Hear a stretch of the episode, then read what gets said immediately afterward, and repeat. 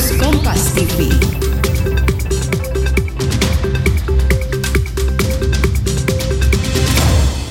Masih clueless soal finansial, investasi, dan bisnis? Dengerin podcast cuan di Spotify sekarang.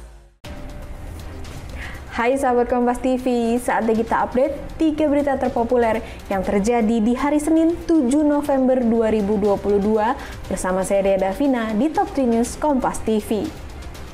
Berita pertama dari sidang kasus pembunuhan Brigadir Yosua oleh Verdi Sambo CS. Tiga terdakwa pembunuhan Brigadir Yosua hari ini dipertemukan di sidang pemeriksaan. Richard Eliezer, Ricky Rizal, dan Kuat Ma'ruf dipertemukan dalam sidang agenda pemeriksaan saksi. Ketiganya sempat disandingkan di hadapan majelis hakim. Ketiganya dihadirkan dalam agenda mendengar keterangan 12 orang saksi. Saksi yang hadir hari ini di antaranya pihak petugas PCR, sopir ambulans, dan pihak provider komunikasi. Sopir ambulans yang mengevakuasi jenazah Brigadir Yosua dari TKP Duren 3 turut dihadirkan sebagai saksi dalam persidangan kasus Verdi Sambo hari ini.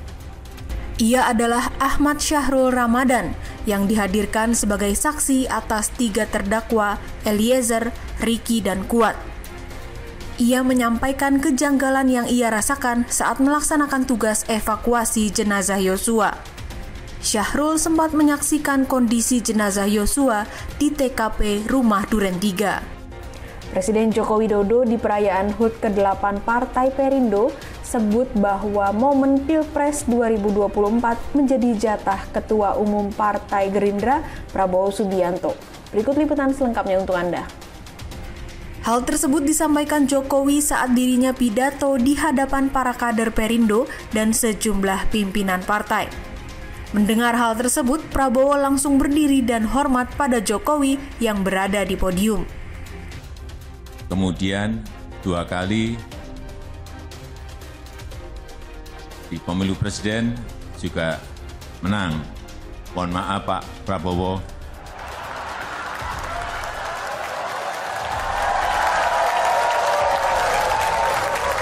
Kelihatannya setelah ini jatahnya Pak Prabowo.